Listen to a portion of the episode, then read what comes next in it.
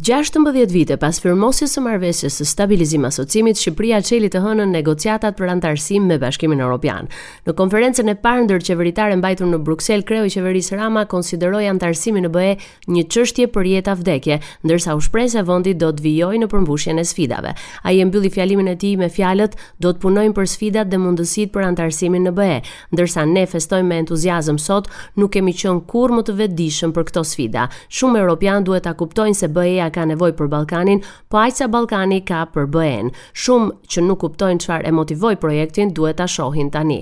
Ka nevojë për një Europë të rinovuar, Po, është një luftë e vazhdueshme, vetë lufta drejt lartësive mjafton për të mbushur zemrën e njeriut.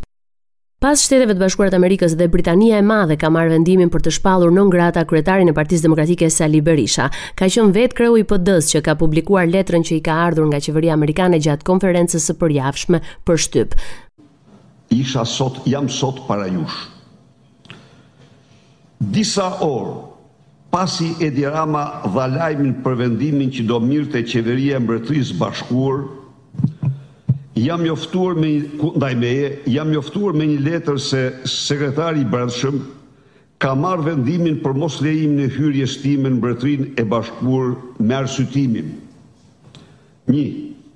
se ju keni lidhje të qarta me grupe të krimit të organizuar dhe kriminelë të cilët kanë paraqitur një rrezik për sigurinë publike në Shqipëri dhe Mbretërinë e Bashkuar dhe se ju jeni i gatshëm t'i përdorni këto lidhje për të avancuar ambiciet tuaja politike dhe dy për korrupsion dhe pasurimin tim dhe rretheve të tjera pranë meje ku si shembull përmendet ish-këshilltari për zgjedhje Damir Fazliç, i cili sipas vlerësimit të tyre, të cilin sipas vlerësimit të tyre unë e kam mbrojtur kur kundër tij kanë dalë prova inkriminuese.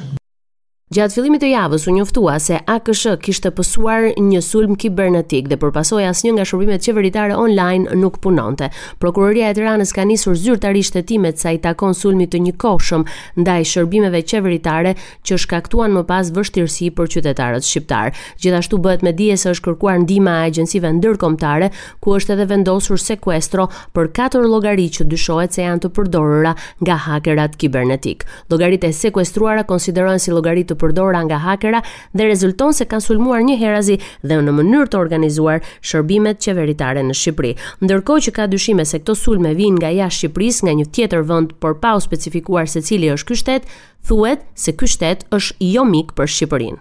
Ambasada amerikane në Tiranë në orët e vona të mbrëmjes së të enjtes ngriti alarmin për një kërcënim të mundshëm që shënjestron një samit të organizuar nga opozita e Iranit në zonën e Manzës në Durrës në datat 23 dhe 24 korrik.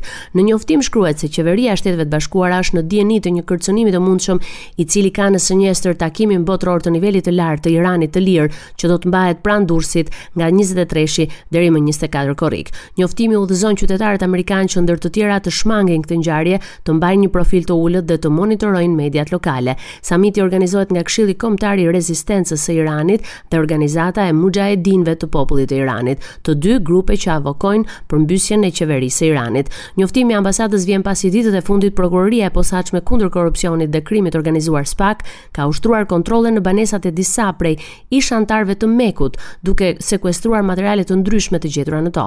Kontrollet mendohet se janë kryer në kuadër të hetimeve ndaj një rrjeti të mundshëm spiunazhi të kamufluar nën aktivitetin e një shoqate që propagandonte se synonte bashkimin e iranianëve dhe shkëmbimin kulturor mes dy vendeve. Në Shqipëri që prej 2016-s strehohen rreth 3000 anëtarë të organizatës MEK në Manzë. Në këtë samit pritet të marrin pjesë qindra politikanë dhe deputetë të njohur, nga të dyja anët e Atlantikut dhe më gjerë. Kampi Ashraf, pranë Durrësit, është vizituar një muaj më parë edhe nga ish-nënpresidenti amerikan Mike Pence, ndërsa në muajin maj këtë kamp e kishte vizituar ish-sekretari amerikan i shtetit Mike Pompeo. Në ditët e fundit si kreu i shtetit, presidenti Ilir Meta ka zhvilluar një vizitë në Kosovë ku ka takuar dhe homologen e tij Vjosa Osmani. Pas mbajtjes së konferencës së përbashkët, presidenti Meta ka mbajtur edhe një fjalim në Kuvendin e Kosovës, ku foli gjatë për marrëdhënien e ngushtë mes dy vendeve Meta gjithashtu tha se krenohet për arritjet e deritanishme në Kosovë, si ndërtimi i institucioneve demokratike, njohja ndërkombëtare nga shumica e vendeve anëtare të Bashkimit Evropian, të NATO-s dhe të Kombeve të Bashkuara, deri te konfirmimi i pavarësisë nga Gjykata Ndërkombëtare e Drejtësisë, anëtarësimi në organizata rajonale dhe ndërkombëtare. Raportoi nga Tirana për Radio SBS Gerta Heta.